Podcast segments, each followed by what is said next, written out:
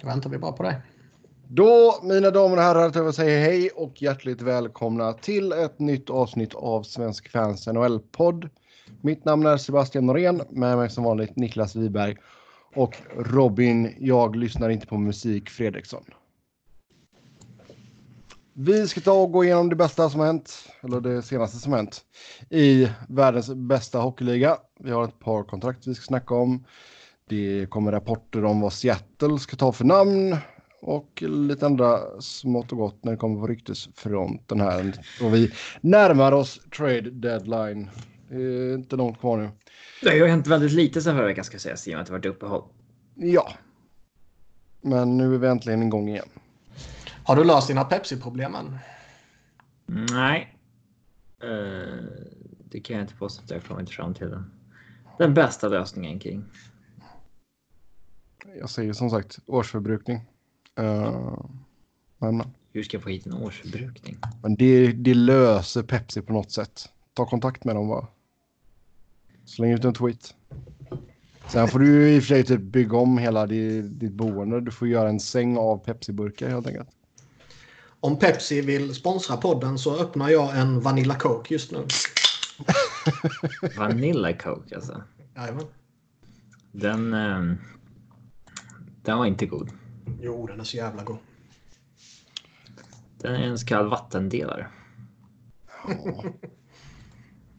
Nej, kör det, finns inget, det är ingenting som slår en Fanta citron ändå. Så uh, nu hoppar vi in på nyheterna när det kommer till NHL istället. Då provar jag för första gången Vanilla Coke och whisky. Alltså inte tillsammans utan två separata eh, Ja, Jag glas. tänkte vad ska du blanda Du är sån som inte dricker whisky ren utan du blandar med läsk och sådär.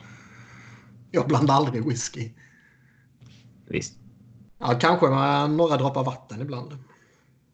Och isbitar ibland. Och isbitar. Du får ju välja. Antingen tar du en, sko- en skvätt vatten. Ja, jag menar inte både och samtidigt. Jag menar antingen eller. Eller cola. Eller, eller isbitar. en isbit. Ja, nej, jag menar inte att jag dunkar i 17 isbitar. Eller man ska ha sådana här stenar också. Finns Ja, det. det har jag också. Ja, det är bra. Ja, eh, ska- vi be oss in på nyheterna då istället.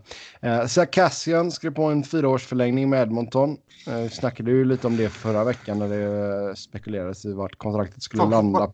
Jävligt försiktig nu som att det säger eh, motsatsen till vad man sa för en vecka sedan. För jag kommer inte ihåg vad jag sa. Nej, inte jag heller. Nej. Det blev i alla fall en fyraårsförlängning och capen landar på 3,2 miljoner. Uh, Han är ju en svår spelare. det är klart att det är en okej hockeyspelare, men 30 bast, fyraårskontrakt. Nej, det ska man inte ge till någon 30-åring om det inte är en eh, toppspelare och det är det inte. Ehm, lönen är väl okej, 3,2, men alltså. Det är Turman som det jobbiga. Eh, alltså det, det Pittsburgh lärde sig är att de ska sluta betala de som gör poäng bredvid Crosby och Malkin. Mm. För det gör folk. Eh, Ja. Och ja, det kanske tar ett tag innan Oilers fattar samma sak. Jo. Alltså han har ju funkat bra. Uh, Och det är ju inte så att han har öst in pengar. Det skulle över jag också gjort. Nej, Jag skulle också kunna stå där med klubban i isen och spänna händerna och, och låta McDavid skjuta på, alltså falla klubban in. Jo. Så snackar lite skit med kunna- Kachak och ja. Ja, men det hade ju inte du kunnat klara av Niklas. Kachak hade ju sänkt dig. Ja, men snacka skit med honom skulle jag kunna göra. Ja, ja. Sen åker du på en hjärnskakning och så borta resten av säsongen. Ja, ja, Eh. får, får, jag, får jag, vad fan får han på det här kontraktet? Han får eh, nästan 13 miljoner. Det får Ja, man ju inte jag- säga så här i hockeyvärlden, men det är ju värt att bli hjärnskadad för. Nej, inte Nej, det är det inte. Jo, men en, Nej. En hjärnskakning för 13 miljoner dollar, det tar jag. ja, ja lätt. Troligtvis är det ju bara borta ett par dagar. Ja, visst eh, får, får man eh, Johan Franzén och Chris Pronger problem så eh, Är det ju inte värt det. är det ju kanske inte värt det. Men, Nej, men det är en gamble man är han redo kan att inte ta. få på första hjärnskakningen rimligtvis. Får man Jo. hoppas. Säger Ja. Dr. Wiberg. Men som sagt, Termen är väl problemet här. Eh, annars en spelare som har fungerat bra för Oilers. Ehm, så visst. Alltså han är. Mm. vi sa väl det förra veckan också, men det, det finns ju alltid en risk som man, även om det givetvis är känsligt att prata om det och lyfta fram det som ett problem och, och liksom att det ska ligga honom i fatet och säga men det finns ju en historia med honom som man måste ta med i beräkningarna. Liksom. Man måste göra när det kommer till Sarkassian, man måste göra när det kommer till Robin Lehner som vi har pratat om tidigare och säkert någon spelare som jag glömmer och definitivt spelare som det inte är allmän vetskap om så att säga. Eh, det räcker att de trillar tillbaka i skiten en gång. Sen blir det här ett jätteproblem för dem själva och det blir ett jätteproblem för laget både på och utanför isen. Mm. Eh, förhoppningsvis har han givetvis lagt allting bakom sig men eh, någonstans måste det ju finnas i, i bakhuvudet hos Edmonton också. Ja. Och liksom spelar han fyra år till jämte Conor McDavid, ja, kanske han är värd sina 3,2 miljoner per säsong. Vi pratar om en 30-åring som är... Eh, alltså, Förmodligen kommer han ju inte spela fyra säsonger till jämte McDavid. Och uh, ja, då blir det väl ett... Vad fan ska man säga? En, en, en light-version av David Backes så småningom. Ja. Han, han, kan inte göra någonting. Han måste gå tillbaka till att bli en fighter. Liksom. Och så är man en dyr sådan. Ja. Och eh, på tal om David Backes så fick vi ju ett eh, statement från eh, Bruins GM Don Sweeney här idag att eh, Backes inte kommer att spela för Providence just nu. Eh, han sa att efter att ha pratat med David så har vi kommit överens om att det är, ligger i eh, allas intresse att han inte spelar för Providence just nu. Eh, han ska vara i form och eh, spelduglig, men eh, för att pres preserva, vad fan, vad, vad fan betyder, vad är preserve på svenska? Behålla, typ. Tack. Lite sån Sebbe. Vissa ord, du vet. Det, ja. Exakt en sån som säger ja, men vissa ord. Man börjar tappa. Exakt. Ja. Vad säger man? Har ni ett ord för influencer egentligen? ja. Uh, ja, men det blir så. Alltså, detta är ju det mesta jag snackar svenska på i hela veckan. Uh, men i vilket fall. Pratar du svenska med ditt barn? Jo, men det är inte så att vi sitter och snackar två och en halv timme. Vi pratar inte två timmar på en vecka helt enkelt. Ja, det kanske vi gör. Men det är inte på samma... Det är inte, det är inte så att jag sitter och förklarar för henne. Liksom inte vad... samma intellektuella nivå. Exakt. det är lite mer så här, hoppa inte ifrån eh, liksom stolen och vet, sådana grejer. Uh, We must preserve the quality. ja. The stol. Ja, exakt, exakt. Eh, I vilket fall som helst, man vill behålla alla options öppna för David och Bruins. Eh, så då har man bestämt att detta är det bästa. Eh, ja. Alltså läser man lite mellan raderna så låter det ju lite som att de har en förhoppning att kunna trade honom. Trade honom. Mm. Och vill man inte riskera att han åker på en skada i Providence. Nej, dels vill man väl inte att han riskerar att bli en skada. Dels vill man kanske inte att folk ska se att han suger även i AHL. Mm. ja, alltså skulle han lira för Providence och inte göra någonting eh, ifrån sig där så visst, då hade väl varningsklockorna klämtat än högre. Och det skulle ju, alltså det känns ju inte alls som eh, en omöjlighet. Nej. 35 bast, eh, långsam, skadedrabbad, ur form på alla sätt och vis. Ja, han kanske går ner och gör point per game i AHL eller så är han lika begränsad där. Mm. Men, här snack, alltså, men då, här snackar vi väl ändå så att man mer eller mindre är villig att ge bort honom. Ja, så är det. Så, men alltså snackar vi ge, ge, ge bort som alltså typ future considerations? Eller snackar vi fortfarande att man vill ha typ ett sjunde rundsval eller sjätte rundsval?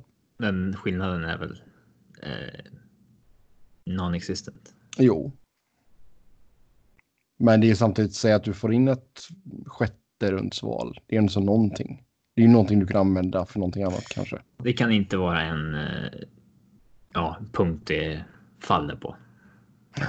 Nej, givetvis inte. Nej, nej. Det handlar ju bara om att bli av med honom på något sätt. Och jag, jag tror, skulle han varit penning i UFA tror jag kanske att de skulle kunna lura på någon annan hans, eh, hans erfarenhet och hans rutin och hans eh, anseende och vet, det där vanliga gamla skitsnacket. Jo, exakt. Jag menar ett år kvar. Det är samma. Kanske behållit han själv då också. Ja. Men ytterligare ett år med 6 miljoner. Det, Ja, det är tufft. Det är inte, alltså vi har snackat om det tidigare, men det är ju så många lag nu också som ligger så tajt mot capen. Så att det är ju ingen, vi är inte i den situationen där det är lag som tar på sig cap direkt. Bara för sakens skull. Nej, och liksom, visst det pratas ju, det, vi har pratat om Anaheim tidigare, att de ska vara redo att ta på sig lön och kommer att prata om dem lite senare också. Men liksom, ja, de skulle kunna vara ett exempel på sådana här som att de tar på sig honom mot att de får någonting. Eh, att de får ett pick eller någon prospect eller sånt där för att plocka bort de här pengarna från Boston. Och, är jag Boston så Då får du Jag- ju ta smällen. Nej, men det, jag skulle göra det. För det är väl inte så att deras fönster smäller igen efter denna säsongen. Men alltså Patrice Bergeron är fan 34 bast. Han börjar ju bli gammal på riktigt. Zdeno Chara är ju typ 57 eller någonting. Jo, alltså det är ju det som är grejen också. Alltså, du har ju ganska mycket pengar uppbundet i, i din core där också. Uh, Ja, och så länge de har sin core nu som, alltså även de här två som jag nämnde där är, är gamla så är de ju fortfarande väldigt, väldigt duktiga. I synnerhet Bergeron givetvis. Så Boston ska ju tänka kortsiktigt. Ja. Och kan man då frigöra 6 miljoner för att, Ja, Kanske ta in annat i deadline. ja, ja, exakt. He's Jo, just- coming home. Jo, men alltså. Jumbo Joe. Visst. Eh, nej, men alltså du har ju ändå så. eh, vad är det? Du har Tory Krug har du som sitter på utgående. Uh, som jag antar att de vill förlänga med. Ja, det är väl DeBrusk också som är ett hyggligt stort kontrakt. Annars så är det Ja. ganska chill. Mm. Men visst, alltså Backes, den löneposten vill man ju bli, eller capiten framförallt vill, vill man ju bli av med. Jag tror man hade nog inte tackat nej att bli av med Krejci i sommar heller kanske. Men uh, ja, det var Sweeney hittar på här framöver. Det roliga när Backes-kontraktet släpptes, det var att Bob McKenzie hade fel på termen. Och så han breakade ju att Backes signed för Boston. 6 miljoner. I believe it's a one year deal. Sa han. Alltså, så, Ja, Nej, förlåt. Det är sex år. ja lite skillnad. lite skillnad. Ja, Oh, well, I'll, I'll take that too, then I guess. Mm. Så. Eller fem år var det i och för sig. Men ja. Exakt, exakt, exakt. Ja, ett, annars, ett annat kontraktsförlängning som vi fick se det var Marcus Pettersson i Pittsburgh. En femårsförlängning. 4,025. Är det liksom eh, vi som borde liksom justera om våra förväntningar på vad en 4 miljoners back ska vara? Eh, Ja, antar det. Samtidigt så har han ju gått och blivit eh, riktigt Jag kommer aldrig uppskattad. anpassa mig efter verkligheten. Men liksom det, är- det är väl fortfarande inte så att du... För, du måste ju förväntas vara en topp 4 back om du tjänar över 4 miljoner. Det kan inte vara normen för din femte back. Då går- du får ju slut på lön då. Slut. Jo. Ja. Men han är väl deras typ tre. Han är väl det. Ja, Ja, kanske. Det Han har ju framförallt kanske blivit det denna säsongen med tanke på deras eh, eh, vad heter det? skadesituation. Ja, ja, han har ju loggat ordentligt med minuter för dem. Och Ja. det verkar ju som att de ville signa det här i somras, men det var en handshake agreement om att vi signar. Um, för räknar ihop kontraktet han skrev i somras och det här så blir det exakt 21 miljoner dollar. Sex år. Ja. Eh, så då blir det 4,3 eller något sådär. Eh, men. Eh, eller mindre såklart. Eh, eller? Ja. Men man, ja, man kan inte hosta ut både de här pengarna och den här termen för en sån spelare. Jag tycker inte heller. Det är liksom ingen uppsida riktigt med det. Nej. Du borde kunna hitta en ny Marcus Pettersson hela tiden. Vi snackade ju om Rasmus Andersson eh, för ett tag sedan och då var det ändå så här att det känns som att det finns en nivå till där som man kan förstå att Calgary är bättre på. Mm. Eh, men Marcus Pettersson, jag, jag, jag visste inte ens att han hade i närheten av det här anseendet. Jag trodde att han typ likt eh, ja, men så här. Nemet hade ju ungefär den här rollen som eh, Marcus Pettersson har nu i Pittsburgh och han släppte ju så att man inte ville signa honom för typ så här tre. Och då fick han ju sticka till Detroit och få en Fast- annan eh, bild av hans plus minus statistik som stack ut väldigt positivt i i Evs. Men de har ju någon fetisch för att signa halvdana backar. Eller plocka in halvdana backar på stora kontrakt i Pittsburgh. Ja, eh, det känns ju som ett av, det är ett av de lagen där liksom nästan vad som helst kan hända i kontraktväg. Man vet inte alls vem de värderar högt och lågt och så vidare. Mm. Eh, att han, just nu blir han ju deras tvåa bakom The Tang. Vi får Ja. se vad John Marino ska ha och uh, Schultz när de förlänger med honom. Men det kanske liksom är klokt att inte med Schultz. Alltså. eh, ja, att inte signa det där feta kontraktet. Mm. Ja, det är sant. Alltså Schultz sitter ju på utgående av 5,5 i dagsläget. Ehm, och hinner fylla 30 innan nästa säsong Ja, börjar. i Brian Demolen också som är skadad. Ja, Dumoulin. Demolen. Dumoulin. Så visst. Nej, men alltså Pe- Pettersson har gjort det bra. Han, är liksom, han har ju fått mycket lovord för spelet i egen zon och allt sånt där. Ehm, men ja, Nej, Men jag kan väl tycka att han, han har väl han har väl visat att han är en NHL-back liksom. Och typ odiskutabelt sådär. Ja, Men, absolut inte så att han stack ut mer än från mitt perspektiv då Patrik Nemeth gjorde i Colorado. Liksom. nej. hopp. Men eh, bra deal för honom i alla fall. Jag tror att både Sen- Rasmus Anderssons kontrakt och Max Petterssons kontrakt är två kontrakt som agenterna som sitter med pending RFA-backar är väldigt nöjda med. Oh ja. Oh ja, oh ja. Det finns många backar som är bättre än Max Pettersson som garanterade sig över 4 miljoner på ett sånt kontrakt nu om man vill ha det. Ja, sen har det kommit rapporter om att Seattle har valt ett lagnamn och att det kommer vara Seattle Kraken. Eh, Säger man Kraken eller Kraken? Jag har alltid sagt Det är Kraken. väl som release the nej, Kraken. release the Kraken. Kraken? Ja. I alla fall, eh, krake i alla fall eh, svenska ordet. och eh, kommer ursprungligen från eh, norsk och finländska fiskarhistorier och sjömanstraditioner. Eh, det är ju en jättebläckfisk med antingen åtta eller tio armar. Eh, beroende på vem det är som berättar eh, historien. Och den är med i en av Pirates of the Caribbean-filmerna. Ja, ett så kallat havsmonster. Eh, David Jones. Va? det är hans locker de ska hitta. Mm. Ja. Tror det. I alla fall, det finns ju även någon, det är väl en rom som heter Kraken också, tror jag för mig. Ja, nu gick det för långt. Det för långt. Ja, men det känns ju som en given sponsor där då i alla fall för laget. Eh, har ju kommit ut lite sådana här mockups på loggor och tröjor och grejer. Ja, man kan inte Ehm. lita alls på vad som är rätt falskt och inte längre. För folk är så jävla bra på att photoshoppa. Och, Ja, alltså, de är det- grymma på de här mockupsarna. Så det är några riktigt bra förslag där tycker jag. Men eh, det vad tycker vi? Alltså om det stämmer så är det ju superväntat ju. Ja, men vad tycker vi? Kraken eller Sasquatch? Eller liksom det har varit allt, alla möjliga. Allt låter ju superkonstigt första gången du... Seattle Sockeyes. Den låter ju jättedålig. Det var... Det var är det jag fortfarande vill ha men det kommer det inte bli. Nej. Men Kra- Kraken, som, eller Kraken som ni felaktigt kallar det. Ehm, det. Det var ju på tapeten typ tämligen omgående. Och det finns ju en jättekoppling mot fiske och sånt i den här stan. Ja. ja.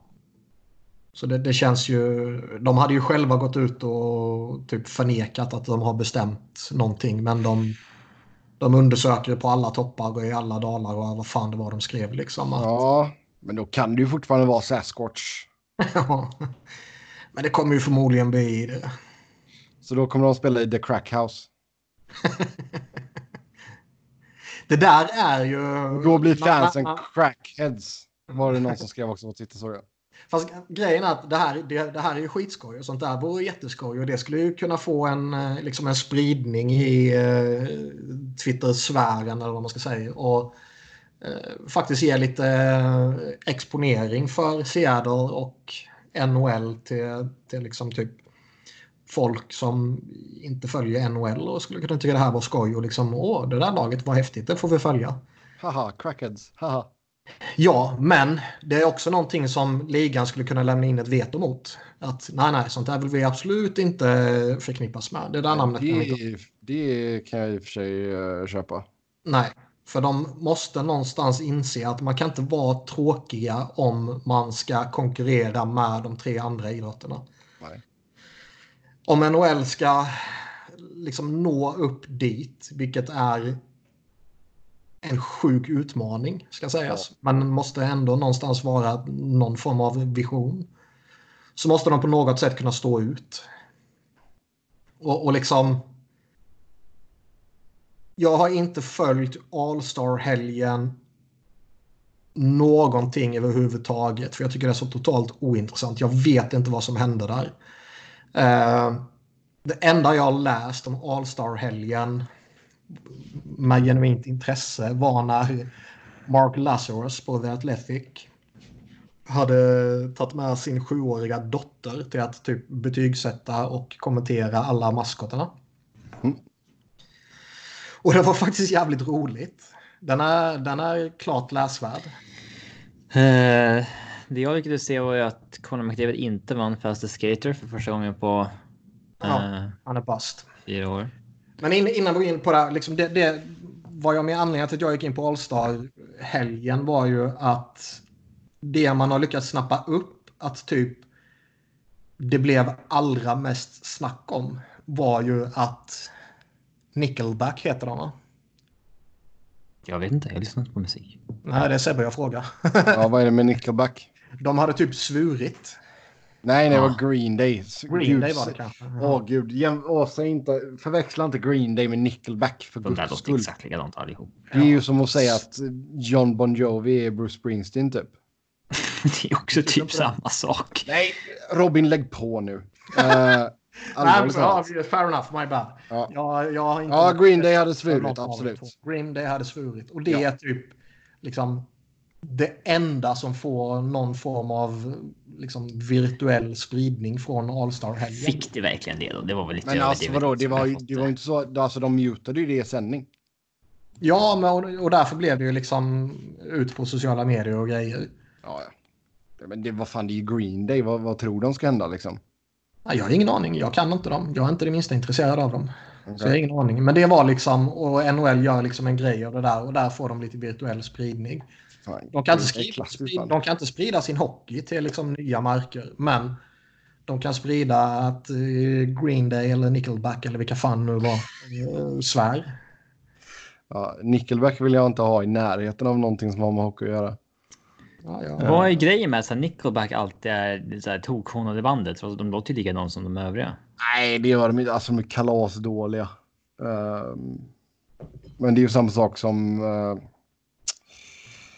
ah, vad fan heter det jävla danska bandet nu? Uh, Niklas, hjälp mig. Aqua? Nej. Det är, Nej, danska, danska, rock, det är danska rockbandet. Finns det ett danskt rockband? Ja, uh, vänta. Fan, Ja, man ska googla sånt här. Vet du. Det är ju... Danskt rockband. Volbeat. Ja, Ja, lite kan man. det är ju... Ja, då kan Robin mer än vad jag kan. Ja. Ja, ska vi ha ett music quiz här som avslutning? Tio Nej, frågor. Med just. Niklas. Det tycker jag verkligen inte. Eh, men i alla fall, uh, vart var vi? Seattle var vi. Just det. Eh, jo, visst. Ja, Kraken kan väl få lite spridning. Absolut. Uh, Nickelback ska skriva Kraken. eh, men, ja, nej. Ska verkligen hugga. Ja. Nej, men alltså. På de mockupsen som jag har sett så, alltså. Det hade ju varit kul om de inte valde att ha en svart hemmatröja, kan jag känna. Har vi inte tillräckligt många med svarta hemmatröjor? Alltså det, det, det man, jag har ju aldrig sett någon Kraken. Men uh, det Det man... blåa i böckerna om Seattle Wonders som man läste när man var liten, som Gunnar Nordström skrev. Men alltså det man förknippar den med är ju grön. Grön och blå, ja. Alltså sjö, sjöodjuret menar jag, In, inte Mm. från boken. Alltså Seattle har ju några andra sportlag som har typ samma färg, eh, Seahawks är väl färgpalett. Så här, så här grön, blå. Ja, det är ju grönblå och samma sak med Sounders. Just. Just det, en sån här skrikande grön. Ljungvik. Ja. Ja, Och det var så här. Han vill inte ens. Man måste där borta typ. Eller om det var tvärtom när han jäm, lämnade Seattle för eh, Chicago Fire. För att han, alltså han blev tradad. ja. Något fotbollsvärlden inte var van vid. Det kan hända. ja exakt. Nej, Mm, jag såg ett alltså, sjukt sidospår, men jag såg eh, ett gammalt klipp från mitten av 90-talet från eh, MLS. När de hade straffläggning och det var Ja, frilägen. Ja, Ja. det var så jävla Herre, coolt. herre jävlar, det är som upplagt för en skada liksom. Li- Lite, jag gillar ju själva upplägget att man ska... jag gillar ju upplägget att man ska löpa in mot målvakten. Men man ska ju inte behöva göra det från halvplan. nej, gör det ju halvplan när och, man du, och du, fram, har, liksom. du har fem sekunder på dig att skjuta. Eh, Så kan vi, kan, ska vi göra omvänt i NHL eller? Du har en straffpunkt och så ska du bomba därifrån. Som i bandy. Fan. Ja, eh, men Vad visst. heter han? Färk? Martin heter han va? Färk. Ja, Martin Furk. Burk. Han eh, skjuter hårdare än Zdeno Chara. Ja, 109 miles per hour. Jag har alltså Det är sett inte mer, ofta så jag har att... sett mer från AHLs All-Star-match än vad jag har sett från NHLs All-Star-match. Men är det inte ofta så att på AHLs eh, så är alltså de vinner mot NHL-spelarna? Jo, de är bättre i AHL helt enkelt. Vi borde snurra Jag på. tror att eh, Avs prospect AJ Greer hade skjutit hårdare än de som sköt hårdast i NHL också eh, för något år sedan. Ja. Eh, jag vet inte, kanske bara en annan eh, apparat. lite, Räcker ju inte bara med att ha ett Välkalibrerat. hårt skott i för det. men det, det, det enda Det häftiga coola var där att Al McInnes går in eh, och dunkar dit med en jävla gammal träklubba. Jo, men det, de numren var ju fejkade. Ja, ja, men ändå coolt. Jo. Men de skulle ju lika väl kunna ge hans den riktiga speeden på... För jag tror inte att det var dåligt. Ändå liksom. Sitt inte här och hata allmän på sanning är att det var fejkade siffror på honom eller? Ja. Tror du bara det? Typ. Ja, men det De var flesta- ju... Alla säger ju det. Och om alla säger det så är det fan sant. Om det står på Twitter så är det sant. Ja, exakt. Visdomsord att uh, ta med sig in i livet. Ja, eh, Toronto ska ha tittat på Matt Dumba. Är det l- lösningen? Lösningen på vad? Backsituationen. där. Jag, jag gillar honom. Jag tycker han är bra. Eh, jag skulle absolut ha, kunna tänka mig att ha honom i, i mitt lag. I synnerhet om man får den här eh, ja, 50-poängsbacken som han har varit tidigare. Um, Då är inte 6 miljoner. eh, Det är ju helt okej. Ja, ska han bara nöja sig på att ligga kring, eh, vad är han on pace för? Eh, 25-30 poäng eller vad fan det kan bli. Mm. Det är ju lite, eh, lite underkänt såklart. Men eh, skulle också kunna förklaras med vilket lag han spelar i. Ja. Och Nej, men visst, alltså, skulle det vara den back, eh, alltså de siffrorna som man hade där. Alltså visst, nu hade han väl problem skador förra säsongen, men Mm.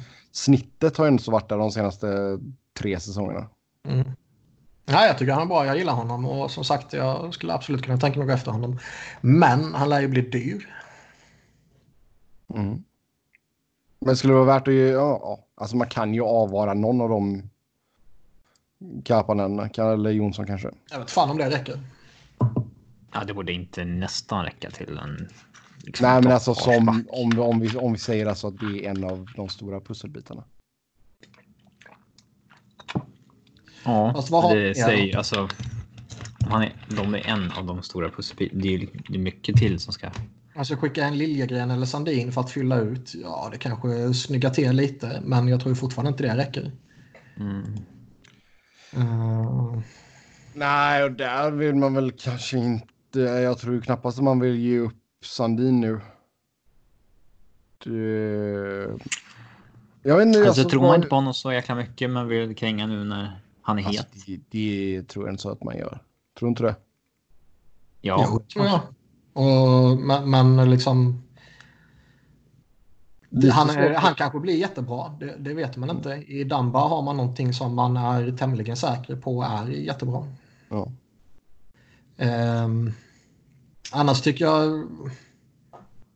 Kollar man på deras prospect så är det ju inte jättemycket som står ut som något sånt här som eh, skulle kunna tippa över i en trade. Typ Nick Robertson tycker jag ser spännande och lovande ut. Men, eh, och rätt rolig spelartyp att följa och sådär. Men han är ju ingen...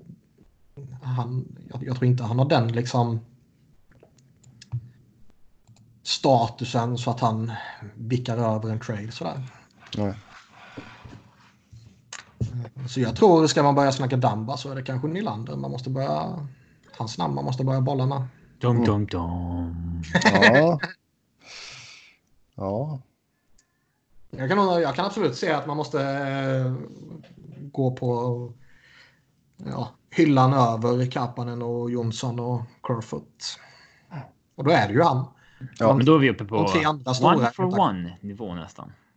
Ja.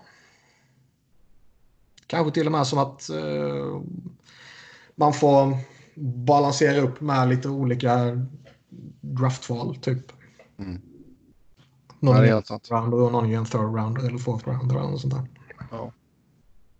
Eh, Men visst, det skulle vara ett välkomt eh, tillskott till eh, Torontos backsida i alla fall. Är ju högerback också. Vilket gör... skulle vara välkommet tillskott för båda lagen om det blir Ja. en sån trade. Ja, om det hade varit en Lander som går till Minnesota så absolut. De, eh, visst, nu offrar man givetvis lite eh, ungt, men eh, man får in lite ungt också. Och eh, det känns som att forwardsbesättningen skulle gå må väldigt bra av att få in någon eh, ung stjärna att bygga kring också. För man ser ju givetvis inte Eriksson Ek eller Luke Kunin eller Jordan Greenway som någon stjärna man bygger på liksom. Nej, alltså de har väl alltså, alla chanser att bli bra, alltså, bra spelare. Men jag ser, inga, Ja, jag. ser inte att någon går att bli en fixstjärna på samma sätt som Nylander har kapacitet att bli.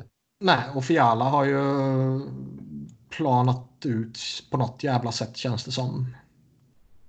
Eh, Ja, det är nog många lag som fortfarande skulle vilja ta en, ta en chansning på honom, men eh, inte till vilket eh, pris som helst. annars är det ju de, de äldre som, som är där. Det är Parisi, Zuccarello och Koivu och Jason Sucker som är en av de äldre men ändå en av de yngre äldre. Verkar ju återigen vara i ryktessvängen. Ja. Mm. Och de har ju ändå några backar så en, kanske känner de att man kan undvara Damba för att uppgradera forwardsbesättningen. Jag menar har du Sudor, Spurgeon och Brodin och, och bygga på så ja, då har du ändå en väldigt stabil trea där liksom. Yes, sedan Joe Thornton ska vara öppen för en trade. Och San Jose är nog än mer öppna för en trade nu. Eller hur Sebastian? Känns lite så. Med tanke på vad som hände för en timme sedan ungefär. Vad hände för en timme sedan ungefär? Man annonserar att Thomas Hertel har dragit ledband och korsband och missar resten av säsongen. Ja, den sög ju. Ja, han är duktig på hockey, tycker jag. Han är ju fenomenalt bra. Jätteduktig. Jättebra. Eh, Nej, Han är okej. men alltså trea från slutet i Western. Du har nio pinnar upp till en wildcard-plats. Du ska förbi en handfull lag. Du kan Couture- ju göra en Couture- push liksom, men... Couture, Couture borta, Herter borta. Men alltså ska man göra den där pushen då känns det som att grundförutsättningen för en sån push är ju ett målvaktsspel. Ja, det kommer de inte få. Och det känns ju extremt osannolikt. Jo. Ja, och sen Alltså i synnerhet när man tappar han nu då givetvis. ja, tappa Hertel på det liksom. Ja. Eh, den är tung. Så att nej, där behöver man nog sälja av, sälja av. Eh, de har ju inte ens ett förstahundsval i sommar också. Nej. Och det är inte så jävla kul. Men man kommer, man kommer inte kunna få tillbaka sitt eget såklart, men... Eh, eh, eh, Alltså, det är klart att man måste kränga det man kan få någon cash för. Men vi pratade ju om, var det förra eller förra, förra veckan, pratade vi lite om San Jose och Brandon Dillon var lite sådär att de vill ha en first rounder men vad fan har de något de kan få en first rounder för? Om du paketerar Dillon och Thornton kan jag nog tänka mig att någon ger upp en... Tror du det? Ja. ja absolut. Ja, kanske. Jag vet fan. Schysst veteranpaket tar man till Thornton och Marlö. Ja, det är veteran. Mm. Men... Um... Vilka skulle vara intresserade av Jumbo Joe om vi börjar med, med honom? Två lag som ligger på slutspel som har dåligt powerplay. Colorado och Dallas. Alla lag borde ju vara intresserade av honom givetvis. För även om han givetvis inte är den här superspelaren längre så kommer han med en coolhetsfaktor och... Eh, pondus. Och, ja, pondus och ledarskap, hela den här skiten. Men han kommer ju också med... Caps hade varit coolt också. Men han kommer ju med många bandwagon-supportrar med sig. Alltså, för det laget han går till som är en contender kommer ju folk sitta och hoppas på sen. Ja, det blir ett jättestöd på Twitter. Ja. Mm. ja. Det blir... Um. Mm.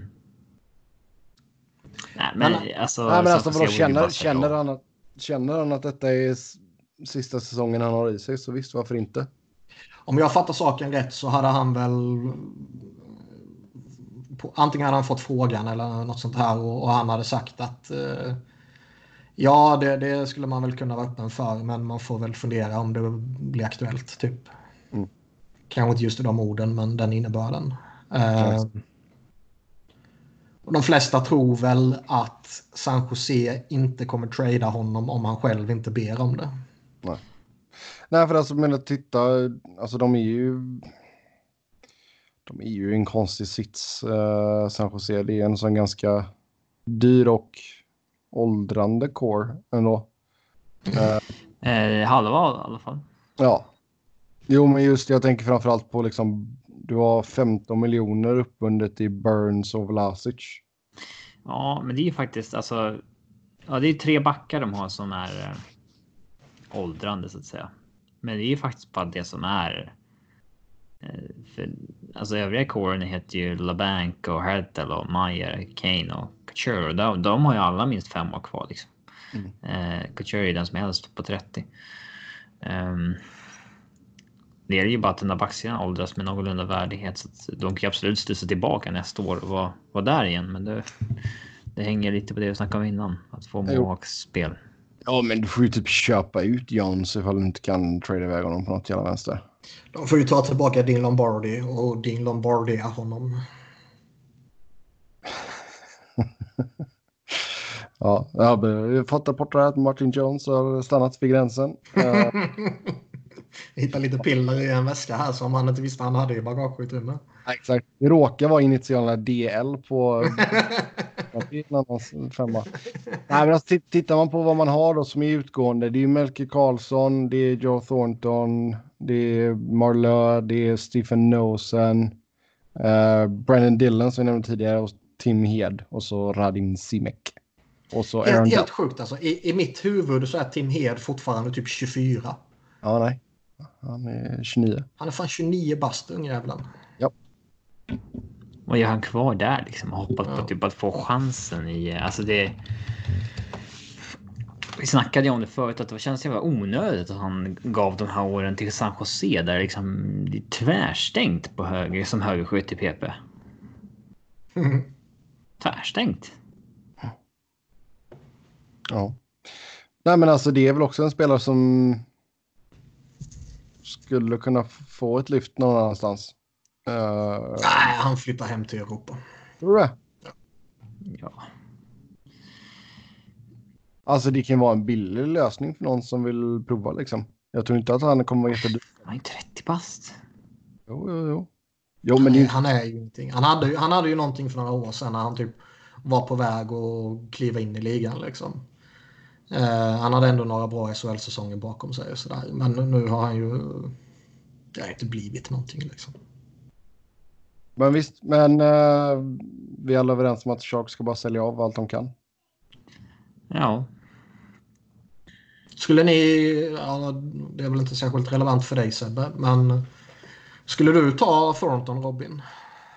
Ja, mest för att det är jag Thornton och alltså inte, han har ju bara gjort 18 assist på 50 plus matcher, men eh, det han har man gjort. Ja, jag med. Jag vet fan om man hade slottat in honom dock, men det blev som tredje center. Mm. Eh, och då spela PP istället för Tyson Jones typ. Mm. Nej, jag skulle gärna ta honom. Alltså just i Flyers läge så... eh, Det De finns kommer ingen, ju... det finns ingen naturlig skytt att sätta honom med i den tredje kedjan, men ehm, Nej, men vi är ju lite mer beroende av en, eh, av en center bara liksom. Eh, sen vet man ju, visst det är några veckor kvar till trade deadline och mycket kan ju hända med Nolan Patrick innan dess. Gör han comeback innan dess så behöver man kanske inte gå efter någon tredje center. Men får man bekräftat att han kommer bli borta resten av säsongen så tycker jag det finns ett behov av att gå efter en tredje center om man nu inte skulle krascha under de här kvarvarande veckorna innan trade deadline och är 10 poäng utanför slutspel. Nej, det är ju roligare ifall man har häng och sen att man missar i sista omgången. jag tror att eh, Men, men liksom flyer, Flyers kommer ju inte ha mycket löneutrymme att röra sig med. Nej. ganska få lag som är klara för slutspel också, som vågar liksom. Som vågar. Alltså slå fast att vi är slutspelslag. Nu köper vi. Mm. Ja. Jag skulle säga två lag i Eastern och ett lag i Western. West- ja. Blues såklart i Western och sen Jag tror att Boston och Avs har så här enligt Sports Club 99,8 procent chans. Mm. Det är Men så är jävla sjukt. Vancouver och, Vancouver och Philadelphia har samma projected points totals. Och Vancouver har typ 97 procent sannolikhet att gå till slutspel och Philadelphia har typ 48 eller någonting. Jävla skitupplägg. ja. Nu är det vad det är. Mm. De spelar ju en eh, ganska bra division. Pacific som är dålig framförallt med Kalifornien slagpåsarna och eh, ja, inget topplag helt enkelt. Nej, men alltså det blir, andra att de, an- det blir att de, andra, de andra på lagen bara snaskar massa poäng av varandra liksom. Ehm, men som du säger, det är ju Kalifornien-lagen som är, känns avhängda liksom. Så ja, det är vad det är. Men ja, alla borde väl kunna tänka sig till en Joe Thornton. Ehm, bör ju inte kosta allt för mycket heller. Ehm, Jag tror att ganska många in- inte är sugna också. Bara för att alltså. Inte jättebra längre.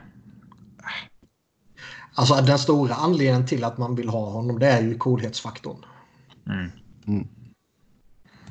Eh, Det är väldigt få 40-åringar som kommer med dubbla knäskador bakom sig som man i realiteten är jättesugen på att ta in. jo, det är sant.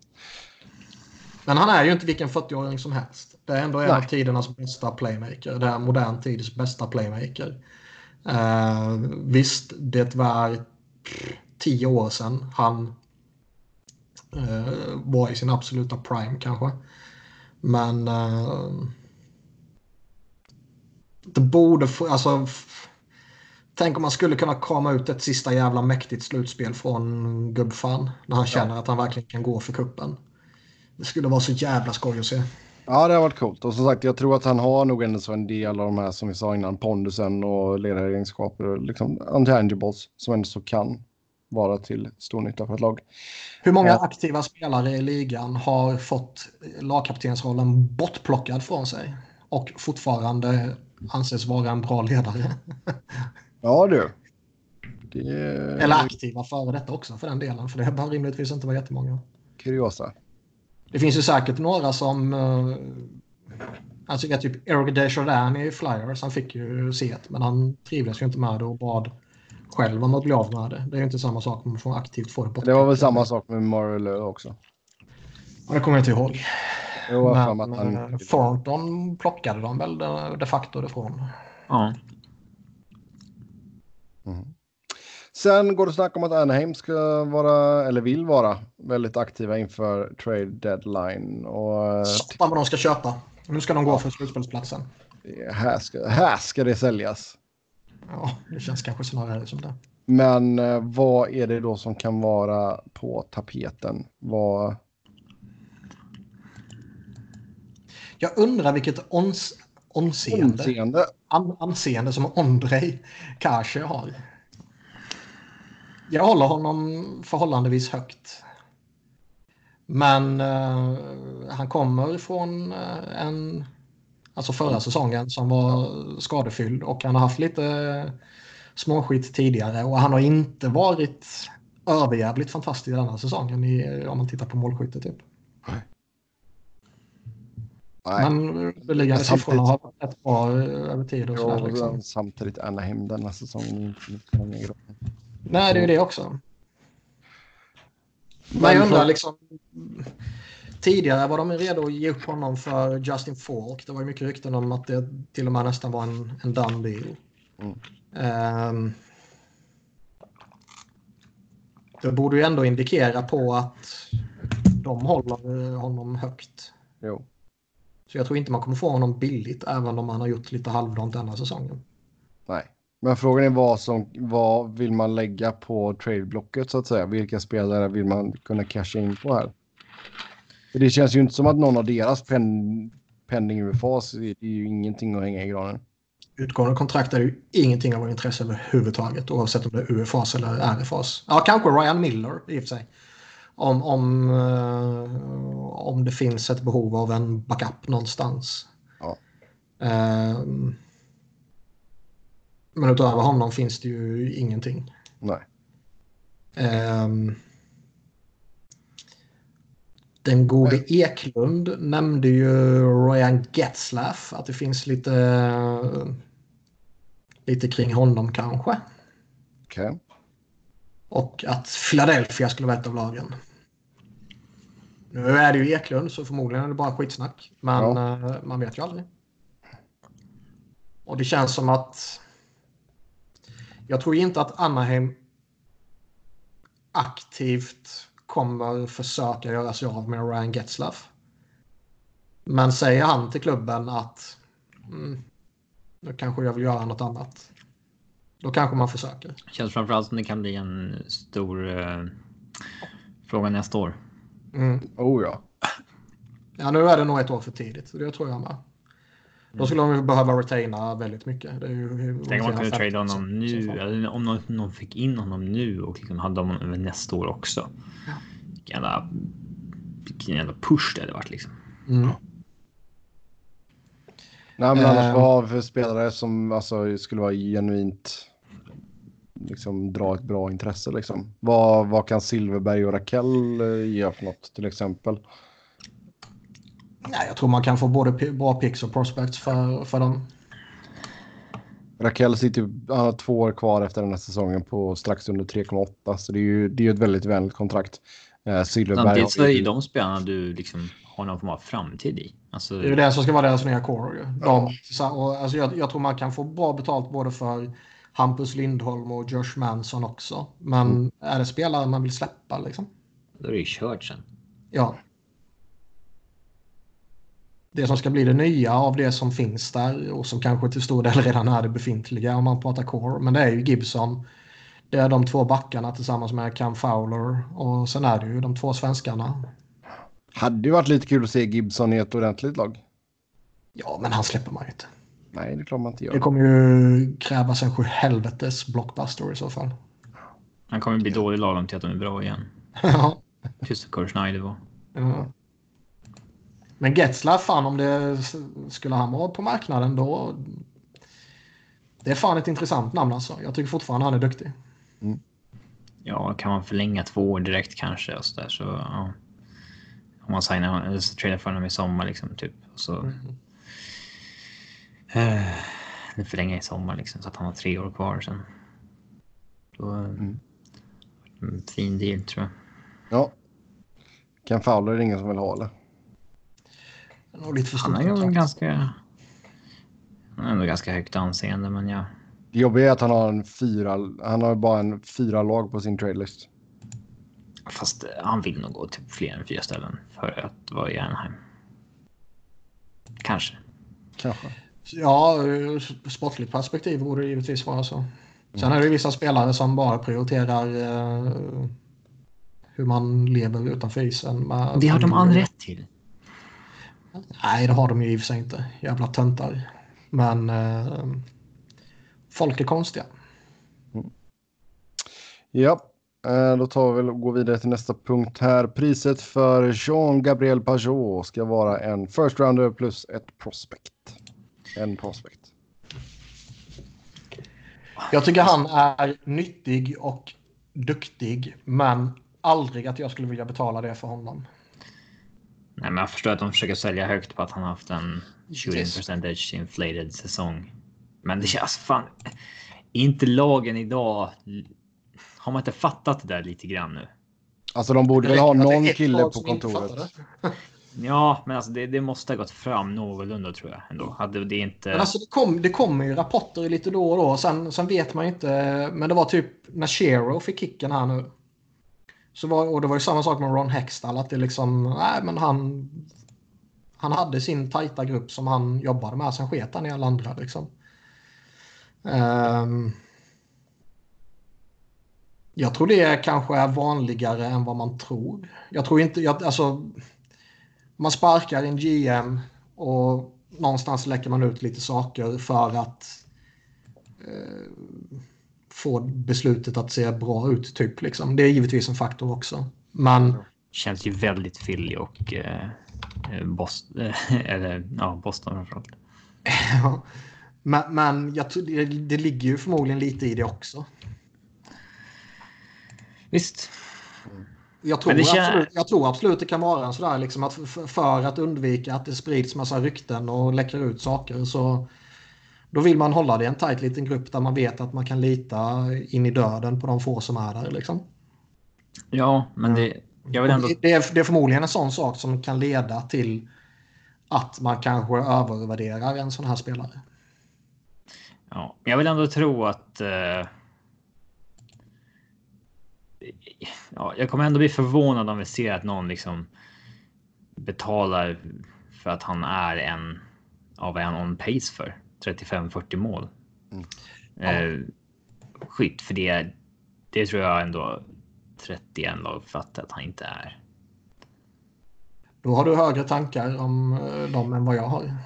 Ja, men det måste ha gått fram nu ändå tror jag. Alltså på ett sätt som det kanske inte hade gjort för fem år sedan, men Ja. Eh, annars, just Ottawa, där har man ju en hel del utgående kontrakt och det är också ett lag som vi förväntar oss kommer att sälja av en hel del. Ehm, bland annat då Dylan DeMello som är penning UFA. Och, De har alltså eh, fyra, nej de har Mm. fem utespelare. Som inte, eh, eller som har eh, kontrakt nästa år också om man exkluderar entry level-kontrakten. ja. Det, där kan man hitta på grejer. Alltså. Oh ja, oh ja. Uh, Dylan DeMello som sagt, penning UFA, Florida och Carolina sägs vara eh, lite intresserade där. Jag tror det skulle kunna vara en okej sån här djupvärvning inför ett slutspel. det är en ganska bra fjärde femte back tycker jag. Ja. Han kommer rätt billigt också, 900 bara så eh, många lag kan peta in honom utan någon större ansträngning sådär sen framåt deadline. Så jag tror absolut det kan finnas ett intresse där. Han är väl en av de få som är kvar från taxiincidenten, va? Var han med, med i bilen där? Det Ja, var Duchene, DeMello. Eh, fram- var det framförallt... Eh, ja, vem var det? Han, han vi aldrig såg igen efter det.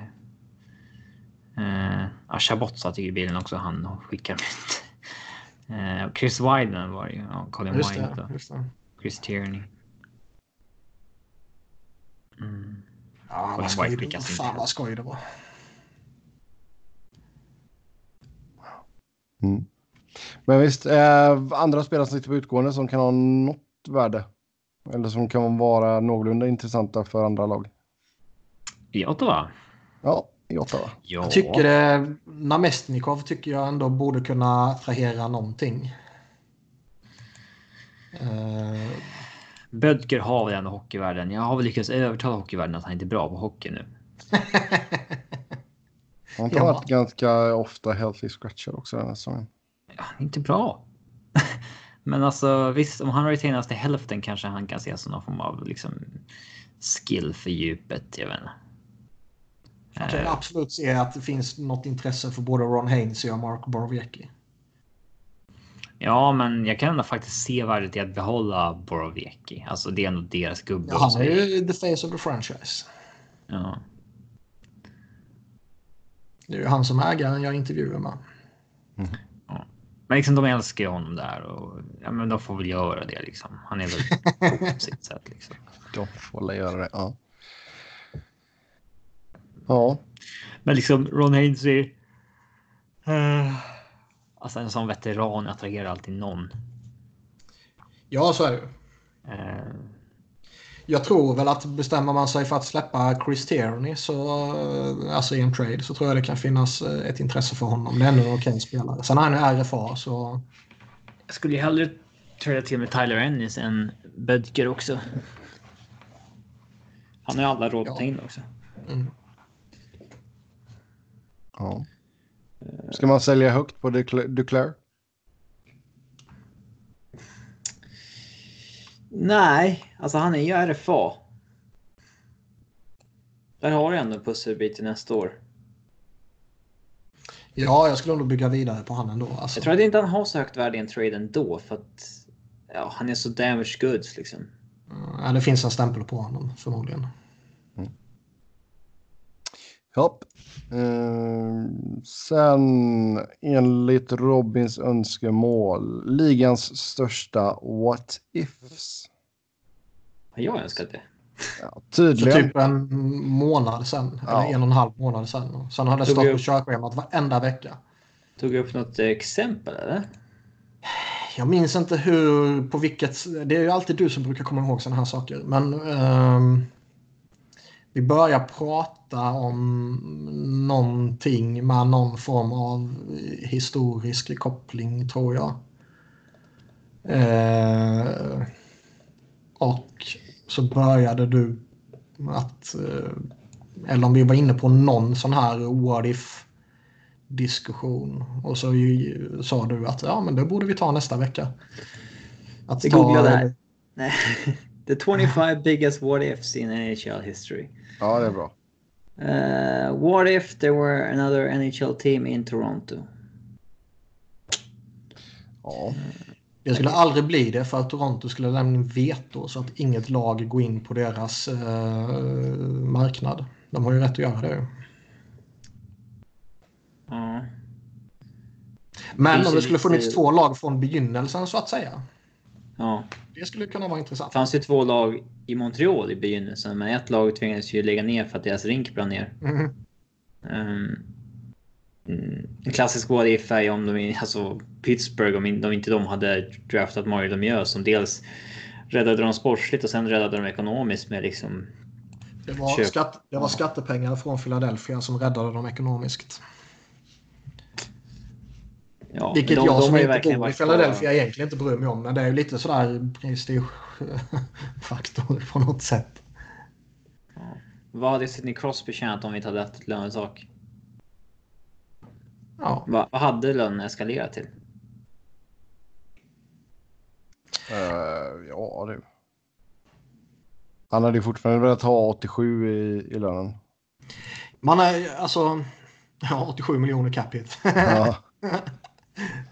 Men titta Pittsburgh är ju inte extremt jättevälmående så, så tillvida att de är liksom på den nivån som liksom Toronto, Montreal och Rangers och Boston och Philly och sådär är som brukar ligga i, i toppen med alla de här Forbes-listorna som kommer ut årligen.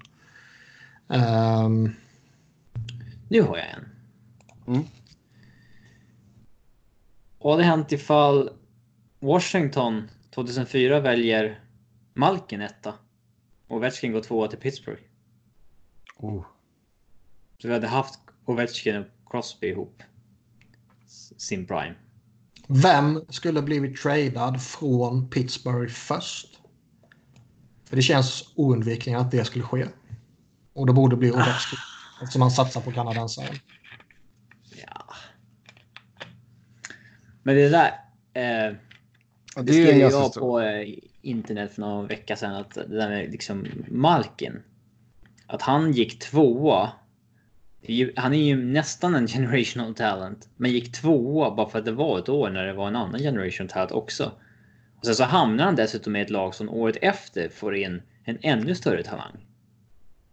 Att han har liksom hamnat i skuggan i draften och i sitt lag. Eh, på ett sätt som är helt jäkla orimligt med tanke på hur, hur bra han är. Alltså tänk om han hade varit draftad av typ ett Montreal eller någonting. Och kommit fram där. För vi har ju sett honom växa dessutom när han inte, när liksom laget blir hans när Crosby är borta. Vad hade han haft för anseende idag då? Det finns Han hade ju varit med varit på bättre topp än Crosby. 100-listan i alla fall.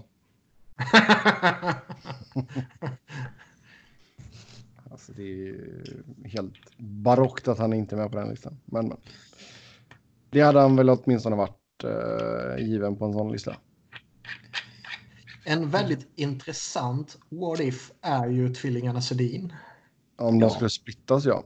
Mm. Skulle, skulle de gjort samma siffror om de Det skulle som att det är en siamesisk tvilling. Nej men det är ju ändå liksom, det är ju en jättegrej hur, hur Vancouver ändå lyckas få båda två. Ja, ja. Ja, det var ju väldigt mycket wigglen eh, Ja. fram och tillbaka där. Eh, Wheeling and dealing. Mm. Ja, wiggle and fiddling och... Och det är Ja. Brian Burke av alla GMs som går efter de här två svenskarna. Ja, Verkligen. är ju också lite eh, anmärkningsvärt. det tog skulle- lång tid innan Ja, de men- liksom verkligen tog, eh, tog fanan där också. Ja, det var väl en minst fem år. Det är, ja, det är efter lockouten som de eh, kommer tillbaka och gör liksom poäng på match istället för att göra eh, 40 poäng. Ja. Eh, Lindros Forsberg. Eh, ja, men vad, vad hade hänt om Lindros Menar inte hade du liksom tvingat en trade? du traden. Ja, om, det inte hade, om inte Lindros hade varit en liten uh, surpelle. Det intressanta, man kan ju faktiskt börja någonstans i vad skulle ha hänt med Quebec? Mm. Hade de funnits kvar idag? De var fått liksom... Vad, vad hela det här med att Lindros absolut eh, totalvägrade den jävla skitorganisationen och Och det är typ dödsstöten för att nej, men vi, vi, vi tittar på en flytt. Liksom. ja. Ja. Jag tror var det Scott Niedermeyer som gick tvåa. Jag för mig det.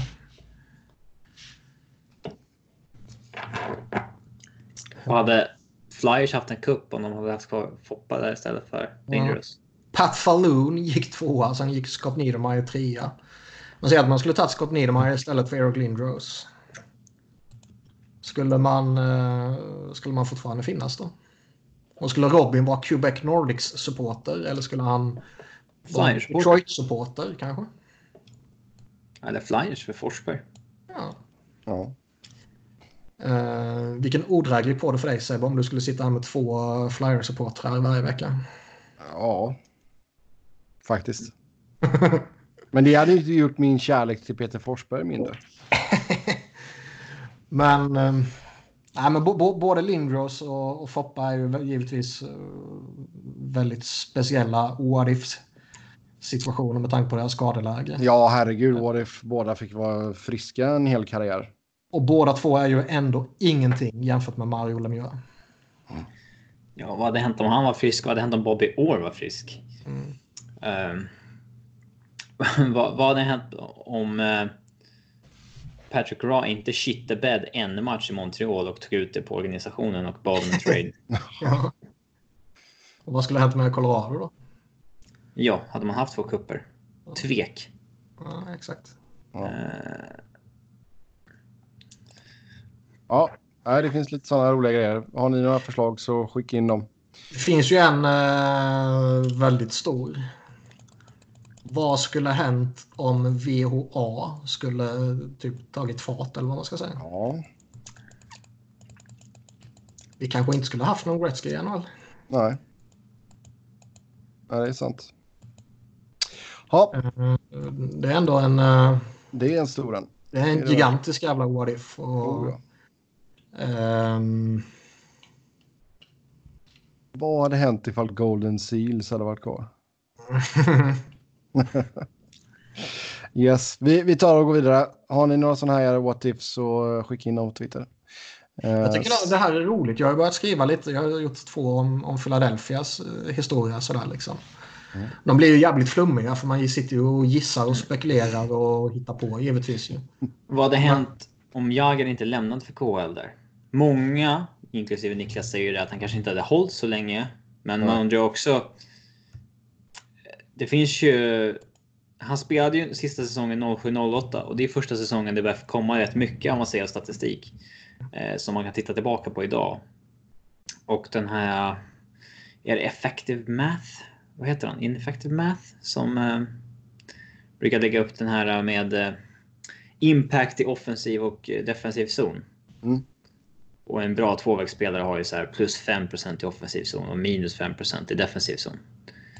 Jagr hade ju plus 25% i offensiv zon eh, sista året i, i Rangers. När han liksom ansågs ändå vara ganska slut också. Alltså Ja. liksom ett... Eh, eh, Jag minns, jag minns inte exakt vad jag har sagt i det här för jag kommer inte ihåg sådana här saker. Men Sakta någonstans tror jag väl att... Alltså, jag tror inte han skulle spelat i NHL till 2018 om han inte skulle gjort de här tre åren i KHL. Men jag tror att han har fler poäng för han har lagat in tre stycken 100 poängsäsonger till.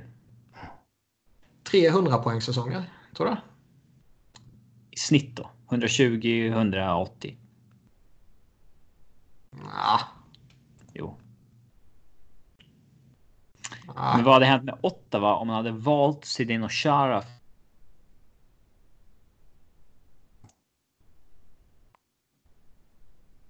Mm. Jag tror att man skulle kraschat ännu hårdare. Vad hade hänt? Eh, Okej, det här blir sista. Tommy Salo inte hade släppt in det där målet mot Vitryssland. Ja, det. Då har han uh, vunnit Vesna. Eh, En mående och karriär efter det. Det kändes som att det påverkade liksom allt. Han har fått all skit för det olympiska spelet och han har fått noll cred för OS-guldet han faktiskt vann. ja. Ja, För är- Foppa, det är en häftig straff men det är ju Salo Ja, som gör den matchvinnande räddningen. det är hä- häftig räddning också. Ja. Jo, Mer kärlek Alltså- till Tommy Salo. jo. Ja, och med det sagt så var jag förmodligen en av dem som skrek allra mest och högst och hårdast på honom eh, 04. Jo, men det är klart att man det, det liksom, vad ska man säga? Det symboliserade ju hela fadäsen liksom. Jag, kom, ja, jag kommer ihåg för eh, jag satt och kollade på den matchen hemma. När jag bodde hemma mamma och pappa tror jag fortfarande väl. Ja. Och ehm, vad heter det? Kolla på matchen på övervåningen. Mamma och pappa hade varit så jävla konstiga som de hade bjudit in massa gäster på kvällen där. ja, det kan de satt, inte nej, de satt nere och käkade middag och skit och grejer.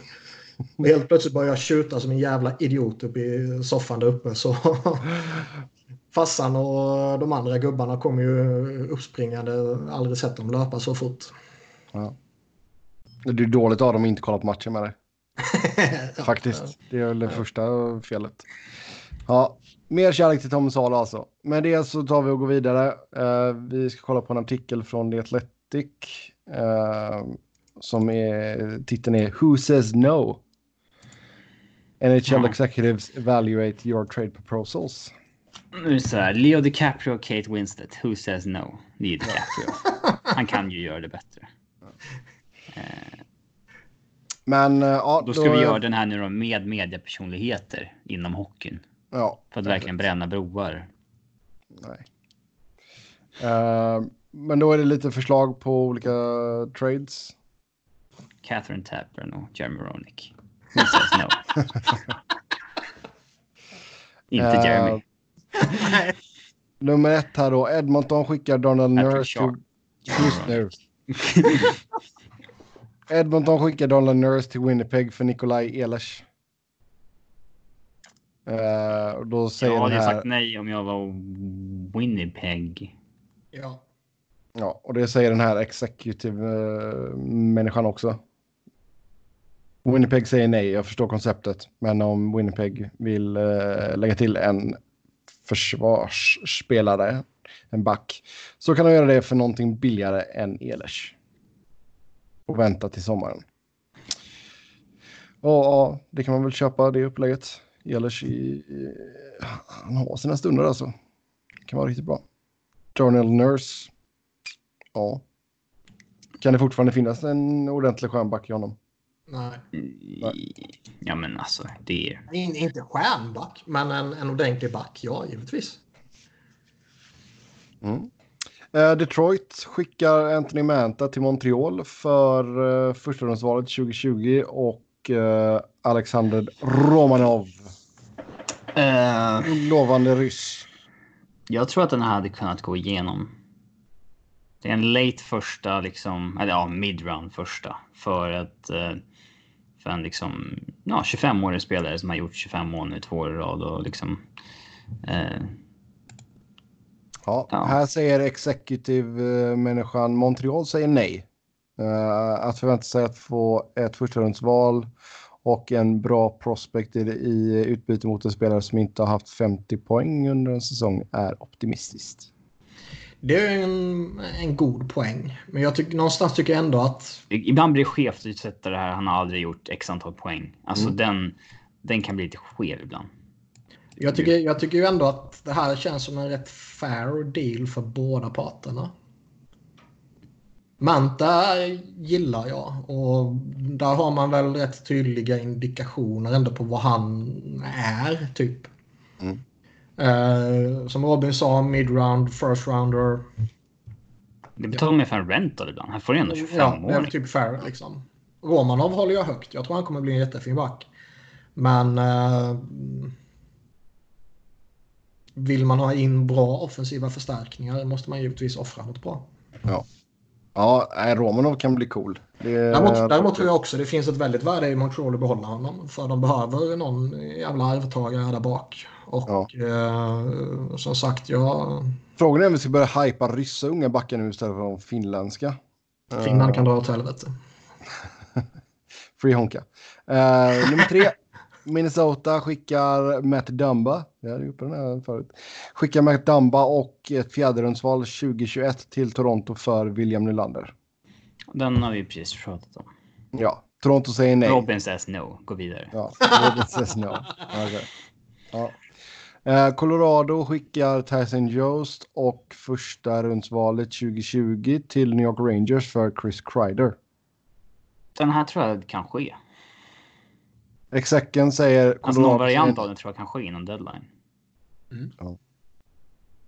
Ehm, han säger i alla fall att Colorado säger nej. Ehm, säger att den här är lite som Kevin Hayes-dealen eh, och att det är liksom en, en okej jämförelse.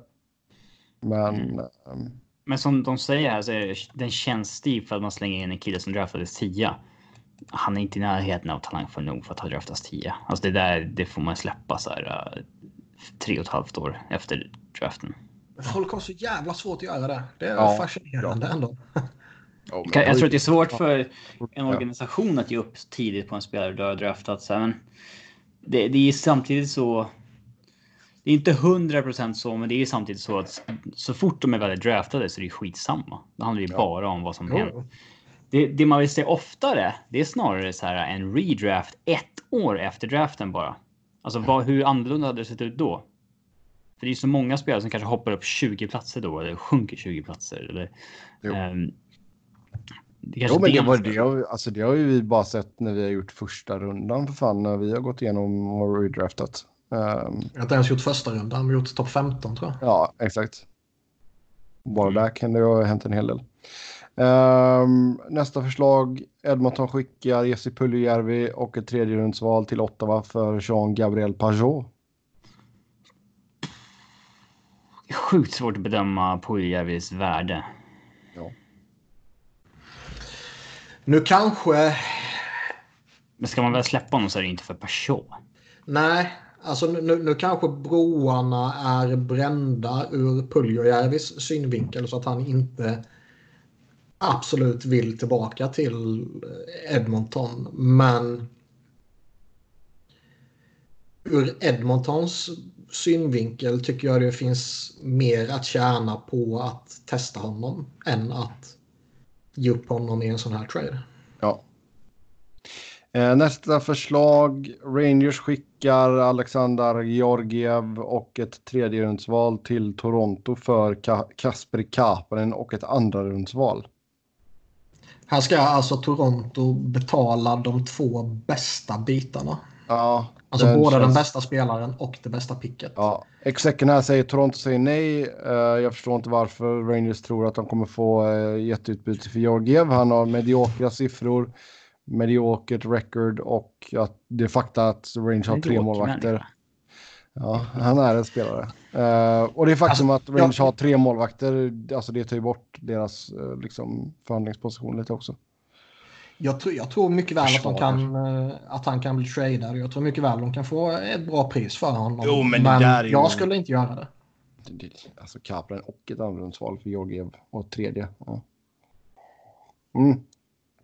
Uh, ska vi se. Minnesota skickar Jason Sucker till Pittsburgh för Nick Bukestad.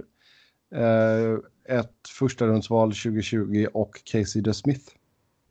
Det skulle vara lite skoj och lite passande ändå att ha en, en snubbe i Pittsburgh man kan kalla för sucker på riktigt. Det hade du gillat va? Jag skulle inte eh. gilla det eftersom jag tycker han är en jävligt bra spelare. Men det skulle vara lite skoj. Hela grejen här är ju hur man värderar Nick Bjugstad. Ja, alltså ja. execken här säger att Minnesota säger nej och att om de vill skicka Sucker så kan de få ett första rundsval utan att behöva käka Bjugstads cap hit. Ser man honom som, ser man hans kontrakt som ett problem, då, då är det absolut ingen bra trade. Nej. Men det tror jag inte alla gör. Liksom. Nej, det tror inte jag heller.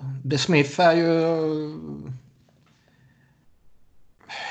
Alltså, är han bara i någon långvarig formtopp så att säga, one hit wonder, eller är han, uh, har han fått ett genombrott? Det är ju en chansning hur man än väljer att se på det. Um, valet kommer inte vara något speciellt. Uh, så jag vet fan, den, den är lite svår ändå. Mm. Uh, ska vi se, nummer åtta, Rangers skickar Chris Kreider till Boston i utbyte mot Denton Heinen, första rundsval och Jakub Suboril. Uh, känns, känns lite... inte som, uh, känns inte som att Chris Kreider är den mest givna trading deadline-spelaren ändå. Han kommer ju gå någonstans. Ja, det kommer vara dyrt. Och han kommer gå till Colorado eller Boston. Men känns det inte som att det kanske är en grej för mycket här? Att man kanske ska dra ner kvaliteten på en grej? Jo, det var ju svaret här också att det liksom är lite för mycket för en rental. Ja, att det kanske ska vara Heinen, Sporil och typ second rounder. Eller ska det vara dra ner på någon av spelarna till liksom snäppet under typ. Ja. Men visst, ja, börjar det bli en jävla budgivning om Chris Kreider då skulle det mycket väl kunna dra iväg. Ja. Och Rangers flyg så får de ju sjukt bra betalt för honom. Mm. Ja, eh, nummer nio, San Jose skickar Martin Jones till Vegas för en påse med puckar. Stackars de Boer liksom om han måste dras med honom igen. Ja. Vegas säger nej. Ja, självklart. Vad fan ska de ja. ha till? Ja, herregud. Uh, New Jersey skickar Sami Vaten till Tampa Bay för Vancouvers första rundsval som de fick i JT Miller-traden. Kanske är svaret från exekutiven här. Jag kan nog ändå se det ske. Väl. Kanske. Har Tampa något stort behov av en Sami Vatanen? Um, det sägs väl att de tittar på backförstärkningar. Mm. Och jag kan väl absolut säga att han är ett alternativ. Ja, så... Alltså det skulle ändå få, jag, jag, skulle ändå bli lite förvånad nu när Tampa har ju kommit igång nu liksom. Nu, nu känns det som att de går före på något sätt. Och um, har de möjlighet att göra någonting så tror jag ju inte de kommer behålla två första rundsval. Nej, men alltså Vatanen känsla... Och ändå behålla dem dock också och fortsätta liksom fylla på sin prospect på. Alltså. Ja. Så man får bli bra över tid. Absolut. Men som sagt. Jag, där, så att, absolut. Men, men som sagt, jag kan också se att de känner man att nu, nu har vi tagit fart vid rätt tillfälle. Nu ska vi boosta upp det här laget och vi har redan bra spelare i organisationen så vi kan offra ett av två uh, first rounders. Mm. Skulle inte förvåna mig ett dugg. Nej. Nej, det känns ju som en, eh, en klar uppgradering över vissa spelare som man har i backuppsättningen just nu. Uh, sen har vi Detroit skickar Dylan Larkin och Andreas Greken till Colorado för Bowen Byram, Shane Bowers och 2020 första rundsval. Det tror jag att Av skulle säga nej. Alltså jag tror inte de vill kasta bort tre framtidspieces för en... Alltså Anastasio är ju liksom en ganska flashig spelare sådär. Ja, det är ingen... Eh, det är ingen stjärna. Vilken status har Bowers? Han eh, kom ju som alla andra i Duchene Traden.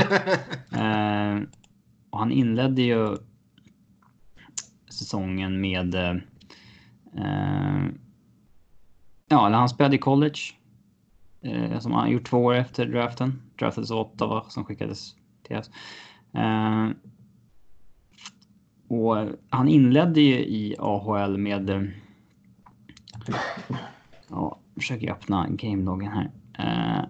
Noll poäng. Han, han hade en poäng första 10, 15, första 16 matcherna hade han en poäng i AHL. Då började man ju bli lite, ja, sådär. Eh, men sen dess så har han en point per game. Okej. Okay. Och det är, han är bara 20 bast ju. Ja. Mm. Har en 20-åring som gör point per game i AHL, då är det ganska liksom eh, spänn på honom. Eh, så det, det har svängt väldigt snabbt i känslan kring honom. För att inte göra en enda poäng per match till att göra en poäng per match exakt. Execken säger att Detroit antagligen skulle säga nej till detta. Ja, men vad, alltså. Att det är Larkins lag. Det är det väl, men Larkin är ju slut när det här laget är redo att Nej, alltså hade jag varit Detroit hade jag nog fan på riktigt funderat på det. Men jag, men jag hade nog kanske kränkt dem separat liksom. Ja. Jag vet inte om det här är den bästa kombinerade traden. Nej. Det beror på hur alltså det beror på om du ser Bowen Byron som en framtida dunderstjärna eller om du ser honom som en framtida toppback. Mm. Ja, sen har vi Toronto skickar William Nylander till Carolina för eh, Brett Pesh. Det känns rätt fair tycker jag. Execken tycker att Nylander är värd lite mer än det. Jag tror nog ändå det finns en rätt stor uh, undervärdering och underskattning av Brett Pesci. Uh... Samtidigt finns det inte finns det inget, ingenting som hypas mer än Carolinas backsida. Nej, det gör det inte. Fair enough. Men det är ja. Jag tycker han är duktig, jag håller honom rätt högt. Men uh, det är lite som... Uh... Alltså jag tycker svaret är ganska bra. Alltså argumenterar ju att Leafs behöver ju cap space och det skulle de ju få här också. Jo, så är det väl. Men det är, det är liksom lite som det var med Hampus Lindholm när han var som, som mest hypad i, i liksom bland nördarna. Att det, det där är en toppback i ligan. Och liksom. Nej, det är man inte om man inte producerar som en toppback. Liksom. Pesci är ju lite likadan. Jätteduktig back på alla sätt och vis förutom att han inte producerar tillräckligt bra. Och uh, Visst, Nylander är lite dyrare, men eh, en normal Nylander producerar ju bra. Ju. Jo. Sen per 25 år på 4 miljoner, det är ett superkontrakt såklart. Ja. Um, men Nylanders kontrakt är också ett jättebra kontrakt. Så att, uh, Ja. Sen har vi Vegas skickar Alex Tuck, ett första och ett andra till Columbus för Zach Werenski. jag hade sagt tvärnej om jag var Columbus i alla fall. Ja. Aldrig i helvete att jag ens överväger det här om jag är Columbus. Så draftval, det kan gå hur som helst. Alltså, vad, vad skulle man ge upp liksom en typ första back för att få ja, en second line scorer och två draftval? Mm. Den, är, den är väl... Sjukt märkligt. Ja, den, den känns oseriöst att de, att de har med i artikeln. Ja. Eller så vill de idiotförklara Timothy Hansford som skickade in frågan. Ja, exakt. Det är värre än den med Jones och en påse puckar då. Ehm, sen har vi Buffalo skickar Casey Mittelstadt till San Jose för Thomas Hertel. Ja, kanske om hans skada nu har Förstört gjort honom hela förlamad i hans ena benet. Annars så känns det inte som... Nej, Men vad är det här? Nej. Det är som att säga... Nej, men... Vancouver, Det är skick, inte ens garanterat att han är en ölspelare. för Fan. Vancouver skickar Brock Boser till Minnesota för Matt Dumba. Eh, jag skulle inte gjort det om jag var när, Vancouver. Nej. Ja, han är en för viktig del liksom, bredvid Elias Pettersson långsiktigt. Och, de har Queen News på backsidan. Och, mm, det, kommer, alltså, det hade varit svinbra och Dumba. Men... ehm, nej, jag hade...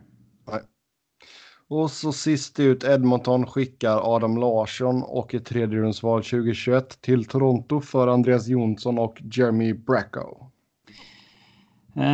Pff, den känns ganska fair. Jag vet inte om jag hade gjort den med var något av lagen liksom. kan man säga. Värdemässigt så är den väl liksom eh, rimlig.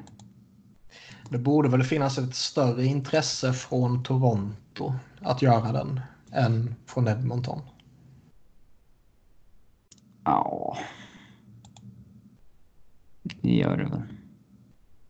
Ja, Toronto får ju den bästa spelaren liksom. Mm. Mm. Ja, execken säger att de antagligen hade hellre hade velat ha Kapanen. Ja, det är klart alla vill det. Så där har vi det. Det var lite roligt. Ja, roligt inslag på The Athletic. Ja. De är duktiga. Ja, då tar vi och glider in på lyssnarfrågorna. Som vanligt stort tack till er som har skrivit in. Först ut. Vad skulle ni tycka om att man... Vad, vänta nu. Vad skulle ni tycka om att när man vinner Stanley Cup får man vara med i lottningen för första valet i draften? Så det ska belönas att man kämpar och inte, och inte tankar som många gör nu. Jag tror ingen skulle eh, kämpa hårdare för att vinna. För det är alltså spelarna skit i draften liksom. När de spelar. Alltså,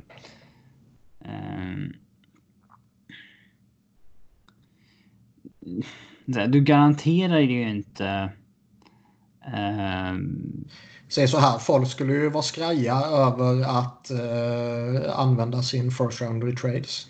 Ja, Ja, det skulle man ju. Eh, men så här, man kan väl säga att så det ramaskri det hade blivit. Om ett lag Alltså istället för att du får drafta får 31 första när du vinner så får du drafta först av lagen som gick till slutspel kanske. Så att du får drafta 16 Ja, Mm. Ja. som en typ av reward. Någonstans tycker jag nästan i så fall att det skulle vara typ relevant och typ de lagen som åker i första rundan får vara med i liksom i, i fallande ordning så att säga eh, lotteriet. Ja. Så att det inte bara är de som missar slutspel. För jag menar, du har lite stolpe in eller du har lite stolpe ut den här säsongen. Så kommer du antingen ta dig till slutspel eller bomma slutspel med 10 poäng. Liksom. Och det, bara, det har ingenting att göra med hur bra det är. Det är bara flyt eller oflyt. Uh, och sen råkar du åka i första rundan när du kanske egentligen skulle missat slutspelet med 10 poäng och och vara aktuell för lotteriet. Liksom. Ja. ja. Sen eh, vad tror ni om Dustin Bufflin och Bobby Ryan? Kommer vi få se dem igen och vilken impact kan de ha om de kommer tillbaka? Alternativt blir bortbytta och i så fall i vilka lag i så fall? Big har, Buff. Har det kommit ut någonting om vad Bobby Ryan gör eller? Rehabbar. Ja, men jag kommer inte ihåg vad det var för någonting. Uh, om de ens, eh, det, det kommunicerade man inte, men jag kommer inte uh, ihåg om det har läckt ut så att säga. Det kommer inte jag ihåg heller. Uh,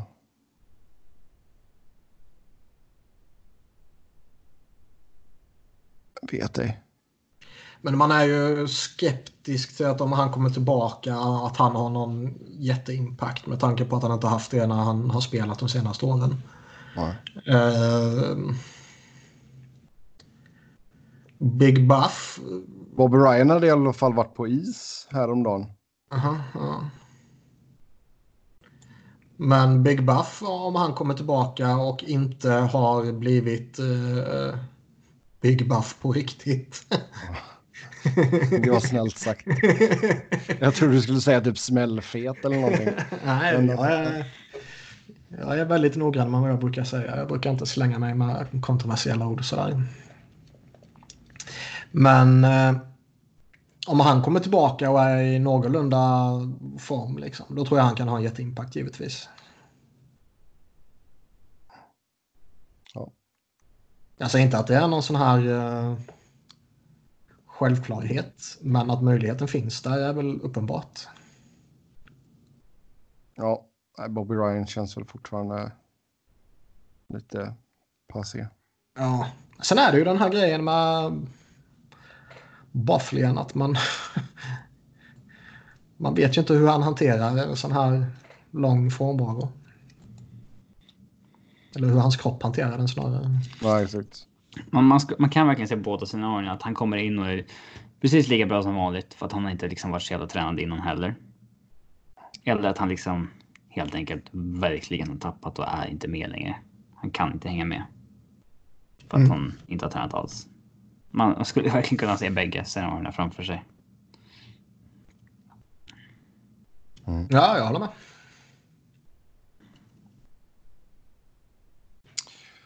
Ja. Uh... fan är det här nu då? Där är en Dreger. Sources say the NHL is investigating the Arizona Coyotes over allegations of physical testing of draft eligible CHL players. Full story tonight in insider trading. Vad menas med det egentligen? Va? Man får inte göra fysiska tester alltså. Hmm. Sources say NHL De bara, kan, kan du lyfta Det är väl det de gör på Draft Combine, eller? Men är, ja, jag, jag kan inte det här, men är det att man inte får göra fysiska tester själv utan att allting måste ske i liksom en kontrollerad miljö av oberoende bla bla bla liksom. Det är det enda jag kan tänka mig som... Ja, alltså det var väl någon som sa det liksom att de tog in spelare att testa som är draft eligible before the combine. Mm. Nej, men liksom att det finns verkligen i regelboken att ska man testa spelarna så får man bara göra det på combine här liksom för då. Ja, det är ja, du får inte göra det för får kommentera i alla fall att ja, du får inte göra det innan combine. Ja. Uh... Smuts Arizona, nu när de har gått och blivit bra så tror de de kan göra vad fan de vill. mm. Shaika har gått och klämt på spelarna innan de får lov. Vet du. Kan du lyfta den här, de här två uh, mjölkpaketen här? Och se hur många gånger du kan göra det. Ja, ja det är lite intressant. Uh, vart var vi nu? Lyssnarfrågor. Uh, du, du, du, du, Jag har inte sett The Office. Ja, det är ditt första problem. Uh, och har inga planer. Ja, och, och har inga planer på att göra det. Men vad fan. Ännu värre. Det blir bara värre och värre. Ja, men jag har förstått att det handlar om ett kontor. Eh, vilka lag i NHL hade varit roligast att göra ett The Office-liknande program med? Ottawa. Eh, veckorna innan, under och efter eh, Uber-incidenten. vem hade varit mest Michael Scott av alla liksom, NHL? Tänker vi att spelarna har ett kontor eller liksom? Ja, alltså vi, vi, får väl ta en, en, en ägare eller en GM som våra Michael Scott-karaktär antar jag. Ja, stanna kvar vid åtta va? uh, men vilket lag? Ja, det ska ju vara lite passande liksom, karaktärer i både mm, upper management och vem hade varit den, den bästa assistant to the regional manager? uh... Men jag tror liksom typ, eh, alltså Dallas kanske? Ja, det har varit lite intriger där. Jag tror inte, jag, jag tror inte Jim Nill är uh, Michael Scott dock. Nej, men Klingberg har blivit en... Han verkar ju vara lite så här glad för att svinga. Ja, Klingberg har varit en bra Jim tror jag. Pranka den som är, vem fan är Dwight då i frågan? Jamie Benn. Ja, så hade han prankat honom som fan. Det, ja, det har varit kul. Vem är Kevin? Radulov. Det är Todd Reardon som är hans lookalike. Radulov är Kevin. Um, vem är Stanley då? Jag skulle sitta och bara läsa korsord. I Dallas? Mm. Känns det inte som att det skulle kunna vara typ Joe Pavelski? Kanske. Någonstans, vill, någonstans Vem är Toby? Som alla vill döda. Ja, som, eller, inte alla, utan det är mest Michael Scott som inte gillar Toby. Vem sa vi var han? Vem sa vi var Paragrafryttaren. Det är väl kanske Pavelski. Ja, det är nog snarare det. Fan, det är nog rätt. Ja. Men eh, om man tar Stanley som snubben som skiter i allt sådär bara lite allmänt. Då skulle jag säga Tyler Seguin. Men han är ju lite mer uh, pratig Prisse känns det som. Fast Stanley verkar vara en av deras bästa säljare. På pappret. Ja. Men lyfter inte finger extra. Det är kanske Sagan. Mm. Ja. Eller om han är Ryan the Temp. ja. Ryan the Temp är ju någon som absolut inte lyckas med någonting första två säsongerna. Sen ändå blir promotad något så in helvete. Lindell. Han går på business school. Uh, finns det kanske inte riktigt något klockrent alternativ i. Ja, Esa Lindell. Um, men det är väl faktiskt Radek Faxa. För han draftades ju och gjorde ingenting i liksom första tre åren. Gjorde inte ens poäng i AHL, men sen så, sen så promotade honom ändå. Bara för att hoppas att det funkar på en högre nivå. Så gjorde det det. Men han har ju... Jag tycker han har varit bra sedan han promotades. Ryan? Nej, faxa. ja, det ja, slog inte Ryan riktigt väl ut för Ryan alltså. Ryan är ju en bättre chef än när han var temp. Jo, men han kraschade ju rätt hårt också. Var han verkligen en bättre chef när han liksom fuskade med siffrorna och sådär? Ja. Det är som är chef. Ja. Har ni inte sett The Office, så gör det för guds skull. Och har ni andra förslag? Efter att ha sett fem säsonger så tycker jag att det är som bäst är 7 av 10 betyg. Det var ju helt fel. Uh, I vilket fall som helst. Har ni andra förslag på lag som skulle passa bra i en The Office-serie så skriv in och skriv då vem som skulle vara vilken karaktär också. Får vi se om vi kommer tillbaka till detta någon annan gång. Uh, om man ska ta Front Office. Ja. Boston. Mm. Där finns det ju karaktärer. Ja. Det finns det. Yes, uh, ska vi se. Tror ni att Charles kan vända på säsongen eller säljer av i deadline? Ja, med tanke på skadan här och på Hertel så känns det ju ganska underkört. Så det blir ja, det var nog sista. Ja. Uh, såg att det surrades lite om det på Twitter, men vilken före detta spelare i sin prime skulle ni vilja se i dagens NHL? Ja, den gick ju, den gick ju en runda på Twitter kan man ju lugnt säga. Eric Lindros. Peter Forsberg. Bure. När du inte får haka och slå och mm. hugga. Om man tar eh, bara i största allmänhet sådär så eh, Wayne Gretzky givetvis. Världens bästa spelare i perioden när det spelas den bästa hockeyn får man väl ändå, alltså, eller när spelarna är som skickligast och så får man ju räkna med att han har kommit fram med samma förutsättningar som dagens spelare och bla bla bla liksom. Mm. Det, skulle, det skulle vara mäktigt att uppleva såklart. Ur ett Flyers perspektiv så är det garanterat självklart givetvis Eric Lindros. Ja. Lemieux, Jagger. Jagger? Såg vi nyss. Jo, men det var ju gammal Jagger. Du får en Jagger i din prime. Prime Jagger. Jag kan ju kötta på med vilken... Uh... Alla Hall of Fame-spelare. Ja.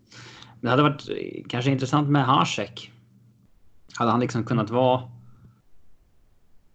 Eh, Fedorov, ja, var, var kan vi se liksom. den här blicken igen? Vilken porrig blick det är. Fan, man blir ju gravid bara att titta på klippet. Som man blir man gravid. Seriöst, om ni inte vet vilket klipp jag pratar om så jag retweetade för några dagar sedan. Gå in och titta på det. Han är så jävla porrig.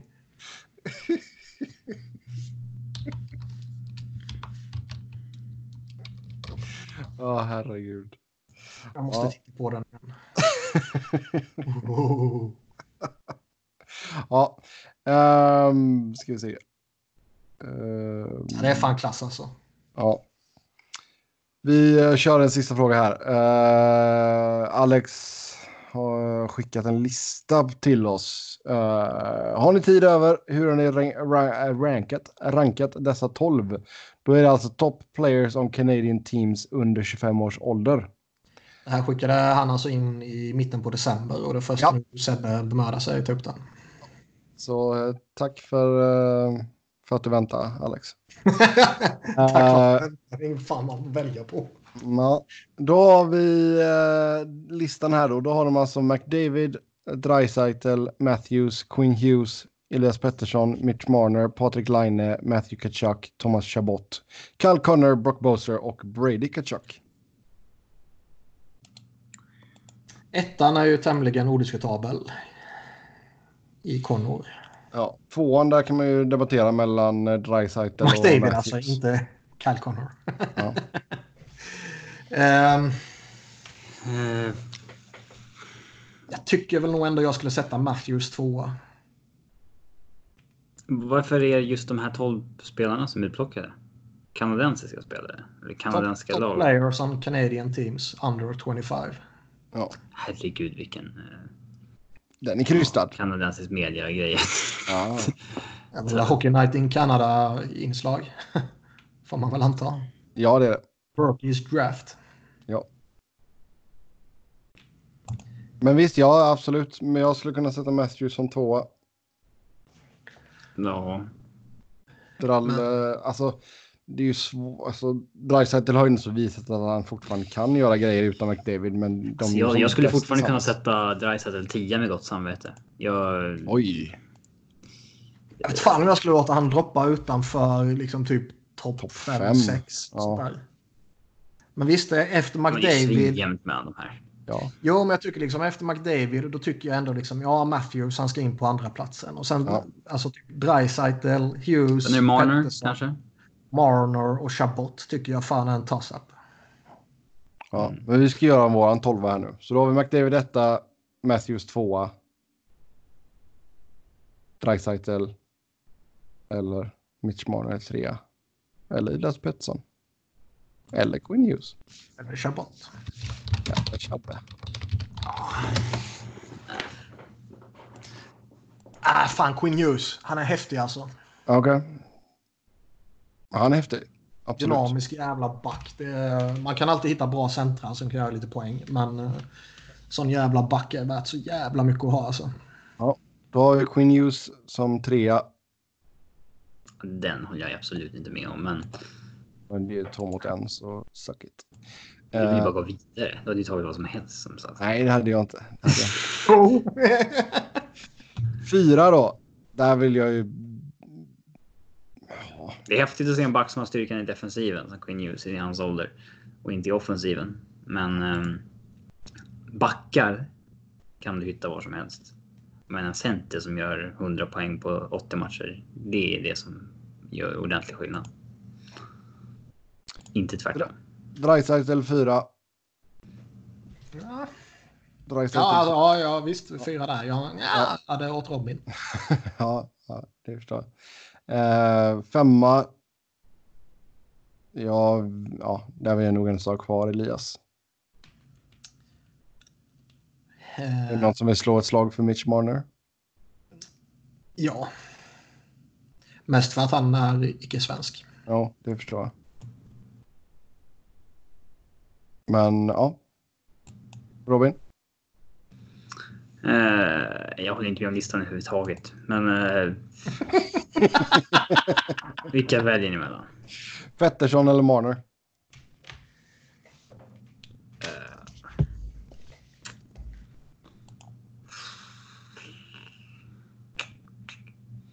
Eh, Ja, Det känns fortfarande som att Marner kan göra mer på egen hand än Pettersson. Eh, han är fortfarande ett barn i kroppen. Liksom. Vi får se vad han är om ett par år, Elias. Marner femma då? Ja, Ja. Då vill jag ju slå ett slag för Elias på sjätte såklart. ja nu har du väl min tillåtelse. Skönt. Då har vi eh, IP40 på sjätte plats. Sjua då har vi Line. Chabot. Chabot. Har, har ni tagit Matthew Kachuk? Nej. Han tar mig för Line. Ja, fast du tar Chabot före Kachuk. Ja, visst. Chabot sjua. Då kan vi ha kvar Matthew på åttonde platsen. Ja, och sen kommer ju Line. Sen kommer Line. Och sen tycker jag det är de tre som står där i den ordningen. Connor, Bowser och Brady. Ja, Bra, då fick vi gjort den också. Med det så tar vi och säger tack och hej för den här gången. Som vanligt kan ni köta hockey via oss via Twitter. Mig hittar ni på ett Seb Norden, Niklas på ett Niklas Wiberg, Niklas med C, Wiberg med enkel V och Robin på R underscore Fredriksson. Tills nästa gång, ha det gött, hej!